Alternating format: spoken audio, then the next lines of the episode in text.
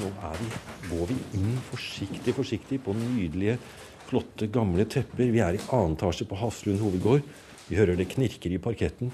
Vi har fått lov til å gå litt rundt her, ja. Se, se her. på disse rommene her. Det er rokokkospeil, ja. gardiner, tunge gardiner. Og se denne lange Ja, dette her er fantastisk flott. Og det, det, var jo virkelig en av de mest standsmessige bygninger i Norge når vi går tilbake til 1814. Her på Hafslund hovedgård, på østsiden av Glomma, like ved Sarpefossen, var det et myldrende liv med depesjer ut og inn, ordonanser, stabsmøter og planer, hele vinteren og våren 1814. Her hadde øverstkommanderende for de norske styrkene, generalløytnant Bernhard Ditlef von Staffelt, sitt hovedkvarter. Eh, nå hadde det eksistert en formell krigs, eh, krigstilstand med Sverige siden høsten 1813. Fredrik 6. hadde erklært krig igjen, men det hadde ikke skjedd noen ting. Så det er først utover våren og forsommeren 1814 at krigsfaren blir større og større. Men den norske hæren hadde vært eh, sammenkalt tidlig på vinteren, for da frykter man eh, svenske angrep. Men så blir den sendt hjem igjen på våren. Og det kan jo synes veldig merkelig når det er en overhengende krigsfare. Men dette har nok en nær sammenheng med den utrolig vanskelig forsyningssituasjon i Norge. Altså Det var rett og slett matmangel. Og det å holde hæren på nesten 10 000 mann samla, liggende her i Østfold, mm. oppover mot Kongsvinger, det var en så stor påkjenning at man rett og slett må sende hjem store deler av troppene. For at ikke de skal spise opp maten til sivilbefolkninga. Hm. Svenskene hadde så smått begynt å rigge seg til med store hærstyrker i Strømstad og magasiner i Gøteborg. Og selv om de norske troppene hadde blitt sendt hjem og kalt tilbake, så hadde det skjedd store forberedelser for krigen som måtte komme, sier historiker Trond Svandal. Arbeidet hadde gått ut på å befeste noen utvalgte punkter langs Glomma, for det var den såkalte Glommalinjen Norges forsvarsplan bygde på. Glomma var en helt sentral rolle. Altså Den norske hæren skal trekke seg bak Glomma, og der gjøre seg klar til et motangrep mot svenskene. Og Det er lett å tenke på felttog i 1814 og i 1808 som små trefninger.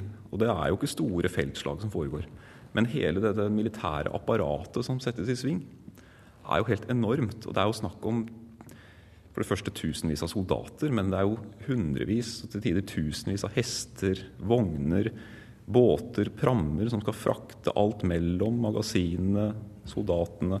Så dette er et enormt maskineri på dårlige norske, nesten kjerreveier. Og da er Glomma en utrolig viktig åre for å transportere ting.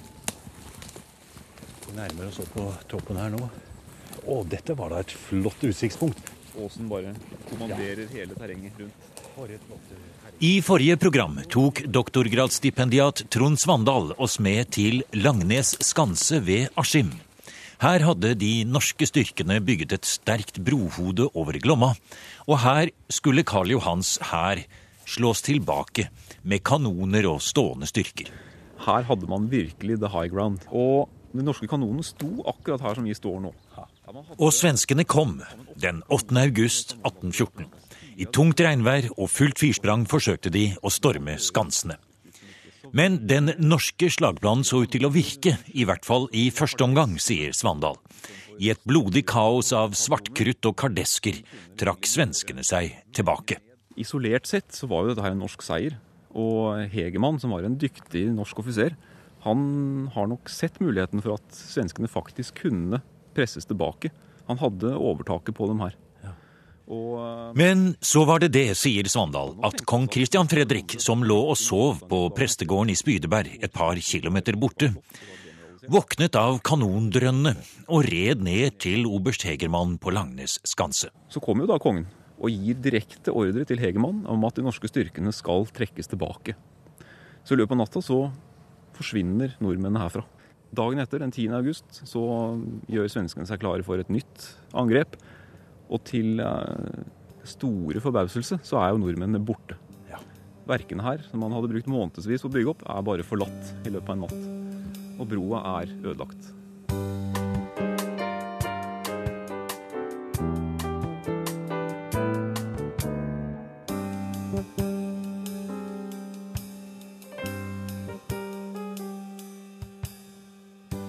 Slaget ved Langnes skanse var verken det siste eller det første i den to-tre uker lange krigen da kronprins Karl Johan satte militær makt bak kravet om at traktaten fra Kiel skulle gjennomføres. I ettertid kan det kanskje virke rart at den hungersnødherjede og bankerotte 1814-nasjonen ikke ville gi seg for presset fra stormaktene i Europa, som støttet Karl Johans krav. Her lå prosjektilen. Så du hadde krutthuset der. Så Krutthuset der, ja. her med kanonkuler og granater. Og, Nett. og laboratoriet der da, som fremstilte granatene og sprenglegene. Er det det de gjorde? Og bakeriet, da? For én ting er å utfordre en av Europas beste militærstrateger. Det er også noen så enkle ting som at soldatene skal ha mat. Og det var hovedsakelig store, tunge rugbrød, sier Trond Svandal. Og de ble bakt her, godt beskyttet bak festningsvollene i Fredrikstad. Ja, bakeriet som vi ser rett foran oss her nå, denne lave murbygninga. Her var det fire bakerovner. Og I det gamle provianthuset fra 1600-tallet var det også fire bakerovner. Og Til sammen så kunne de produsere 3000 brød, eller omkring 12 tonn med brød per døgn. Så det sier jo litt om kapasitetene i eh, dette systemet her. Så det, Bakteppet med forsyningsproblemene er jo kjempeviktig gjennom hele den perioden som vi kaller napoleonskrigene. Altså åra fra 1807 og fram til 1814. For det var mangel på mat, rett og slett. Kornmangel i Norge. Og for hæren, som var samla i tusenvis her, eh, her i Østfold og her på Østlandet, så var det å skaffe til veie nok brød, nok kjøtt, nok erter, altså alt man skulle ha, det, var en, det er en kjempevirksomhet. Altså, det er et stort apparat i gang for å klare å forsyne hæren. Og så skulle det transporteres da, fra magasinene og bakeriene her i Fredrikstad og til hæren som lå noen mil lenger øst, nærmere grensa.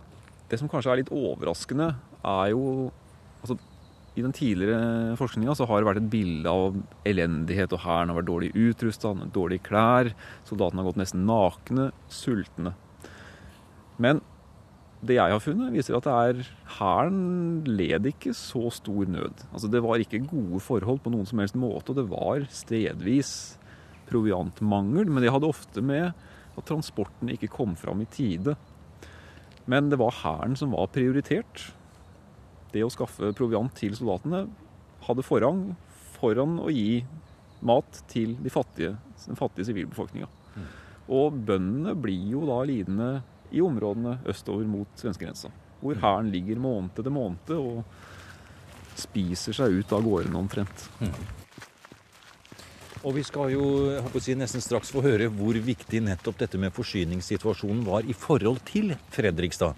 For du har pekt ut disse stedene. Her var, produserte man eh, granatene og brødet, og her var sentrallagrene. Og hvis vi bare går litt opp eh, på vollen her nå, inne i festningsbyen i Fredrikstad, så vil vi se igjen dette som er den røde tråden i fortellingen om felttoget i 1814, nemlig Glomma. Og opp Glomma her kommer det første angrepet i 1814 mot Norge. Ja, nå går vi opp på toppen av prins Georgs bastion her. Ja. Og her ser vi jo elva igjen. Ja. Dette er Glomma. Og her er vi jo helt ved utløpet av Glomma. Og det står et par eh, si, fattige kanoner bortpå St. Georgs bastion her, som vi står like ved her nå. De står og peker så friskt eh, utover, sydover. Og håpet vel på den gangen de ble satt der, at de skulle virke en form for avskrekkende på svenskene, men eh, akkurat sånn gikk det ikke. Nei. Fredrikstad festning i 1814 var eh, omkring 150 år. Vollene her var ikke i veldig god stand. Det var for lite kanoner, det var en for liten besetning. Og det var Man regna med at festninga ikke ville holde et langt angrep. I tillegg så var hovedverkene, hvis vi snur oss her og ser disse vollene og vollgravene, de peker østover, mot Sverige. Alt skulle komme den veien, fra østsiden. Det var der man regna med at svenskene kom. Fikk ikke bruk for noe av det. Nei, for svenskene kommer jo Det kom ikke derfra helt fra feil kant. For eh, allerede fra de siste dagene i juli så hadde jo svenskene gått i land på Hvaler. De hadde gått over Kråkerøy, som vi ser bak her. Og sent på kvelden den 3. august, da hadde de siste norske troppene forlatt Kråkerøy. Og eh, dratt nordover. Og svenskene begynner å sette opp kanonbatterier. Og det er på disse små fjellkollene vi ser Nettopp. rundt byen Men hadde Norge noe marine å snakke om i eh, 1814, da? Man hadde en liten eh, marine bestående stort sett av kanonbåter og kanonsjalupper. Og de hadde ligget ute ved Hvaler gjennom hele sommeren og venta på den svenske flåten. Ja. Men idet svenskene endelig kommer, så trekker hele denne kanonbåtflotiljen seg tilbake. Så det kommer aldri til noen trefning. Hvor, hvorfor trekker de seg tilbake? Det var nok et ønske om å bevare flåten. For eh, svenskene var overlegne. De hadde både kanonbåter og store krigsskip, altså store linjeskip. Hvor bl.a. den svenske kongen eh, også var om bord. Han som hadde adoptert Karl Johan. Ja, Karl 13. han var om bord på det store linjeskipet Gustav den store. Som eh, faktisk da på kvelden 3. august lå rett utafor Festningsbyen her. Helt inne i Fredrikstad. Ja, den lå på denne lille reden vi kan se her Ja, ute. ja. ja nettopp. Og kanonbåtene, de svenske Ja, vi får gå litt ut mot enden her og tenke oss hva som foregikk. Ja.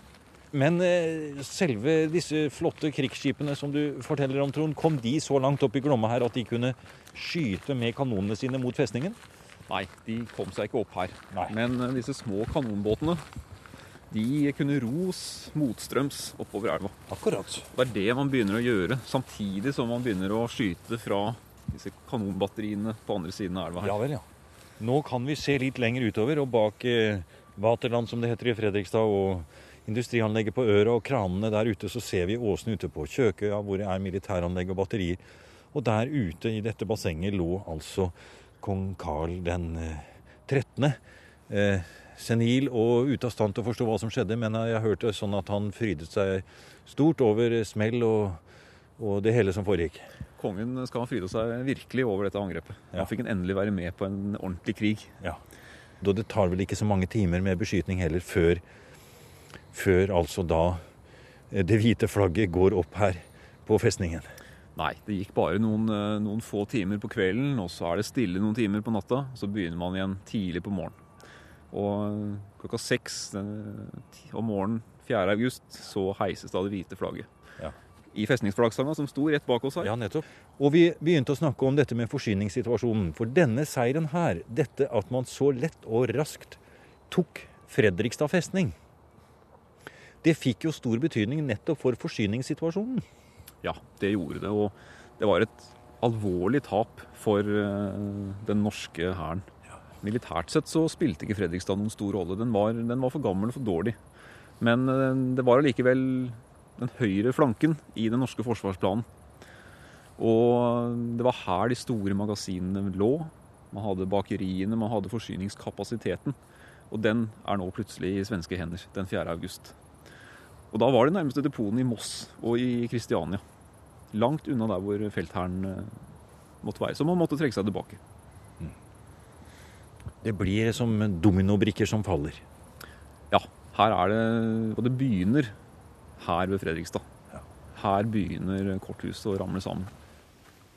Men det skal ennå ta en 14 dagers tid før korthuset, som historiker Trond Svandal sier, raser helt sammen.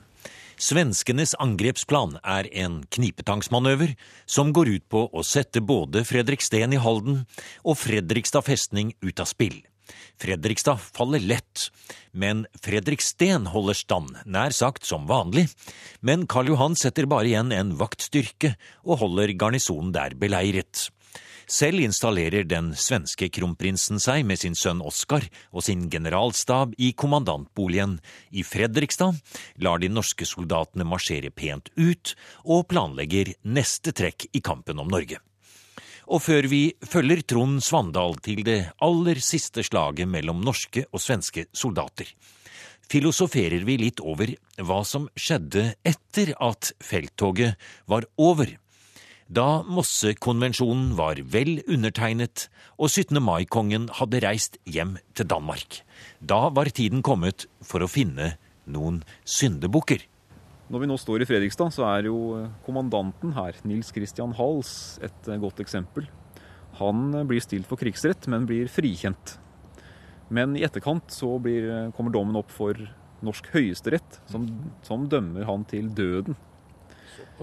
Men eh, han blir da til slutt frikjent av eh, kronprinsen Karl Johan. Det er jo mildt sagt en bisarr eh, historie. Det er det, men det sier nok litt om forholdene i Norge etter krigen. Man måtte ha noen syndebukker, og at han ble dømt av Høyesterett viser at det var en, en politisk dom. Her måtte det noen stå til ansvar for det som hadde gått så dårlig i krigen. Og jeg antar at grunnen til at han ble dømt er at han overga seg for fort, eller var det en helt annen grunn? Han overga seg for fort og hadde ikke fått ordre om å kunne overgi festninga. Nå var vel å merke denne ordren utstedt fra Christian Fredrik, men den hadde ikke kommet kommandant Hals i hende før han overgir festning. Og det å overgi en festning, det var noe av det mest alvorlige du kunne gjøre. Mm. Jeg vil da tro at eh, kommandanten på Fredriksten festning eh, på langt nær ble stilt for eh, krigsrett etterpå. Han ble vel heller eh, kanskje fikk vel en medalje, han da. Ja, kommandanten på Fredriksten, generalmajor Ome, hadde, fikk jo en helt annen skjebne enn uh, oberstløytnant Hals her i Fredrikstad. For Ome gjør jo motstand, innbitt motstand, og overgir seg jo ikke før 14. august. Etter at Mossekonvensjonen sier at festninga skal overgis. Så Ome blir jo en av heltene i denne 1814-historien. Mens Hals blir en av syndebukkene. Og general Ome kom da hit i 1815, Ja. da nordmenn endelig For å få skikk på Fredrikstad. For å få skikk på Fredrikstad, kan vi jo tenke oss. Ja, nettopp. Eh, var det for øvrig andre, nær sagt, ettervirkninger etter krigen? Var det andre enn Hals som ble stilt for eh, krigsrett? Ja, Det var flere offiserer som ble stilt for krigsrett. Bl.a. Eh, oberst Gjermann, som hadde kommandoen over troppene på Kråkerøy, rett over eh, Glomma her. Men de beste eksemplene er nok eh, generalløytnant Staffelt, som var øverstkommanderende for eh, hæren her. Som eh, nok faller noe i unåde, men kommer da i søkelyset som en av skurkene i historien. Han hadde ikke ytt motstand godt nok, og blir stilt for retten og dømt til fengsel. Og settes i fengsel på Fredriksten i et par år etter krigen. Han må sone fengselsstraff på festningen, og blir til slutt løslatt. Og flytter hjem igjen og er en bitter mann. Han dør bare noen få år etter krigen. En grim skjebne for mannen vi møtte på Hafslund hovedgård som generalløytnant og sjef for den norske overkommandoen da det hele startet. Men nå tilbake til fronten og sluttpunktet for felttoget i 1814. For det aller siste slaget, Trond, det sto jo her. Ja, det sto akkurat her vi går nå. Ja. Ved Kjølberg bro, litt nord for Fredrikstad. Jernbanen igjen helt inntil, og en trafikkert vei som vi hører. Men først og fremst en liten smal bro over en elv nå igjen. Ja, og både veien og broa er, passer jo veldig godt, for dette her var også et sånt overfartssted, et knutepunkt i samferdsel. Og her lå det en bro over eh, det som vi kjenner som Seutelva, eller Kjølbergelva, en gren av Glomma. Og her gikk kongeveien til Kristiania fra Fredrikstad. Nettopp. Så igjen så er det dette med Nå går vi bare litt bort fra veien, så vi får eh, kommet litt til ly av veien her. Men igjen så er det dette med at det er en uh, naturlig avgrensning i terrenget. Men det er jo ikke Glommas løp vi ser der. Nei, dette her er jo ikke hovedløpet. Dette er en, eh, bare en liten sidegren. Og den er jo, den er jo ikke veldig bred, som Nei. vi ser den eh, nå. Men eh, det var nok til at Det kan minne litt om Eideren, eller Eider i, i Slesvig-Holstein, som vi jo har fulgt tidligere. Ja, det kan vi jo, og den var vanskelig nok å krysse den. Ja. Og det var det samme her. En, en elv det var noe man måtte bruke tid og krefter på å komme seg over.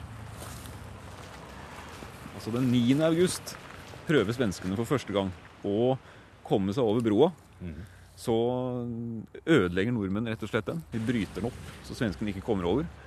Og de står da i den åsen bak her med Jaha. kanoner og geværer og skyter på svenskene. Så de kom Så vi, vi er svenskene nå, da, på en måte. Nå står vi på den svenske sida. Ja. Og det er jo ikke så veldig lang avstand her. Her snakker vi bare om faktisk en 300-350 meter. En sånn trang elvedal som går her. Ja, det er ikke stor avstand. Og godt innenfor skuddvidden til eh, kanonene. Man, man kan nesten rope til hverandre fra begge sider av fronten her. Ja, det har de helt sikkert gjort også.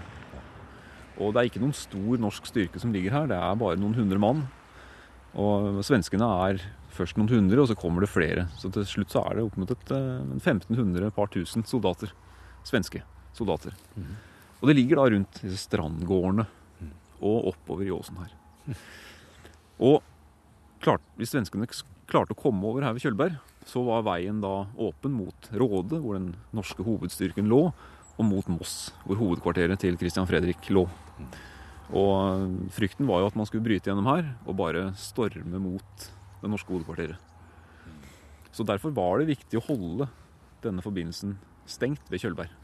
Men eh, mellom Christian Fredrik og de svenske hovedstyrken her nede, så lå da general Arnfeldt, en av de norske brigadekommandørene, med en stor styrke oppe ved Karlshus i Råde. Som var da en, en bakre sperring. Men, eh, men allikevel, det var viktig å holde svenskene på denne siden av Glåma. Eller denne side, sidegrenen av Glåma. Og lyktes man med det, da? Nei, man gjorde jo ikke det, da. For eh, selv om svenskene ikke klarte det den 9., så prøver de igjen den 14. Og 14. august det er jo den samme dagen som Mossekonvensjonen undertegnes. Eh, man hadde trukket seg tilbake fra Langenes noen dager før. Eh, den norske hæren var på retrett, og nå vil svenskene ha en avgjørelse her nede. Karl Johan ønsker det. Og det er da tidlig på morgenen, nesten på natta, den 14. august, så starter det svenske angrepet på nytt. Og nå er det en større svensk styrke. Man begynner å bombardere de norske stillingene med kanoner. Og så begynner man, rett sør for her vi står nå, å legge ut båter. Så man ferger de svenske styrkene over denne lille elva med båt. Og nå er den svenske ildkraften så stor at man klarer å holde nordmennene på avstand. Så gradvis så kommer da svenskene seg over elva. Der borte, ja. Opp mot herregården. På disse slettene vi ser her. Vi står og ser akkurat nå. Så det er et ganske stort slagfelt. Og det blir en ganske heftig strid her. For det kommer flere bølger med svenske angrep som slås tilbake. For nordmennene ligger jo da i veldig gunstige stillinger oppe på høyden. Men det kommer flere og flere svenske soldater over. Og selv om eh, fra norsk side så kaster man seg inn i et ganske heftig motangrep. Men eh, den svenske overmakta blir rett og slett for stor. Så ut på tidlig på morgenkvisten, og den slaget raser i flere timer, så blir nordmennene pressa over denne høyden hvor vi har herregården, og ned på jordene på baksida. Og det ender med at de norske troppene, de norske linjene, bryter sammen, og man flykter nordover. Mot Karlshus-området for å slutte seg til resten av den norske styrken der. Ja, og de siste, aller siste skuddene i krigen i 1814 skal da ha blitt avfyrt i det lille skogholtet bak her. Mot de flyktende norske troppene som eh, rømmer nordover. Og det er da noen historiske skudd mellom eh, Sverige og Norge. Ja, det er jo da de siste skudd som er avfyrt mellom nordmenn og svensker i krig. Det er akkurat her ved Kjølberg bro.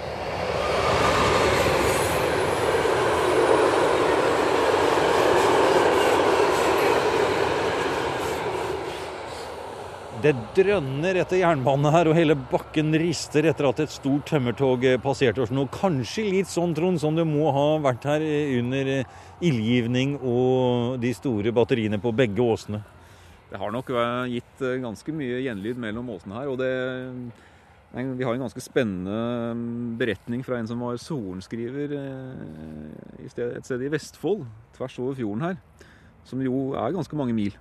Han beskriver at han i disse augustdagene hører kanontorden fra krigen. Og det må være disse kampene ved Kjølberg.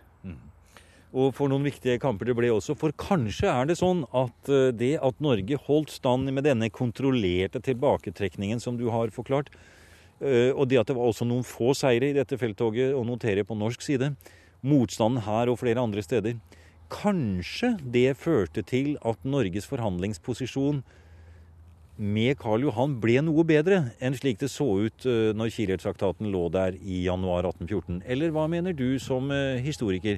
Oppnådde man noe rent posisjonsmessig og i forhold til resultatet? Ja, det store man oppnår, det er jo at 17. mai-grunnloven blir anerkjent. Norge får sin egen konstitusjon og blir en egen stat i en personalunion med Sverige. Dette blir ikke et, eh, det blir ikke et rent lyderike under den svenske kongen, slik Kiel-traktaten legger opp til. Og vi kan jo kanskje si at den militære innsatsen som gjøres da sommeren, i slutten av juli og august 1814, er med på å vise at Norge var villig til å forsvare denne selvstendigheten. Så går det jo som det gikk. Vi kommer i union, men i en veldig gunstig posisjon inni denne unionen. Og krigen var vel kanskje også med på å vise Karl Johan at han kunne ikke bare komme og ta Norge. Vi eh, nordmennene hadde gjort motstand, og Karl Johan i den politiske situasjonen han var, måtte ta hensyn til det. Han hadde dårlig tid og må inngå en, en forhandlingsløsning. Så skal det jo sies at Karl Johan ble en populær konge i Norge. Og han gir jo også uttrykk for at han, han setter stor pris på nordmenn etter hvert. Men det er en historie som ligger noen år frem, fra 1814.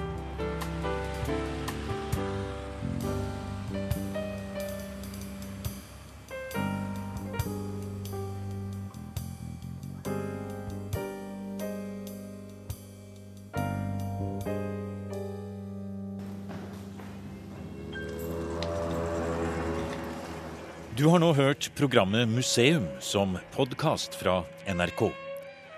Museum sendes i NRK P2 på lørdager og søndager.